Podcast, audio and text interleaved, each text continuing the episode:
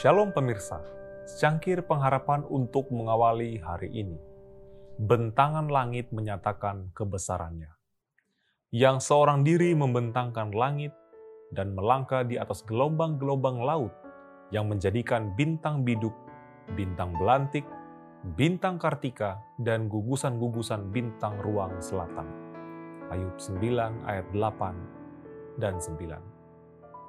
Meskipun Alkitab harus menempati tempat pertama dalam pendidikan anak-anak dan remaja, buku alam adalah yang terpenting setelah Alkitab.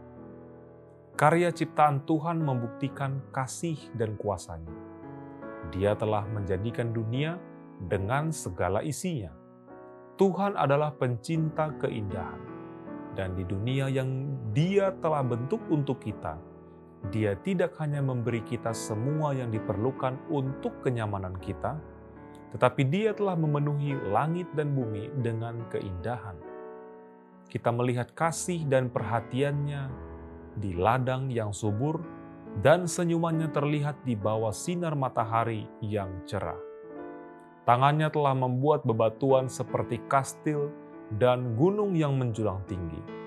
Pohon-pohon yang tinggi tumbuh atas perintahnya. Dia telah menyebarkan karpet berwarna hijau menutupi bumi dan menghiasinya dengan bunga. Mengapa dia mendandani bumi dan pepohonan dengan warna hijau? Bukannya dengan coklat tua yang suram? Bukankah karena hal itu lebih enak dipandang?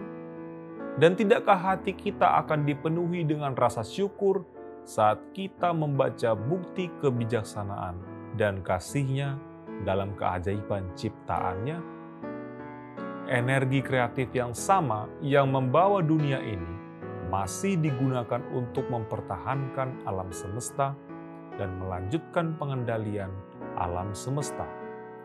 Tangan Tuhan membimbing planet-planet dalam perjalanannya yang teratur melintasi langit bukan karena kekuatan yang melekat.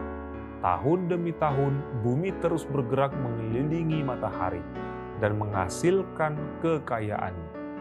Melalui kuasanya, tumbuh-tumbuhan tumbuh subur daunnya muncul dan bunganya mekar. Seluruh alam semesta dirancang untuk menggambarkan tentang kasih Tuhan. Demikianlah renungan kita hari ini Selalu mulai harimu dengan secangkir pengharapan.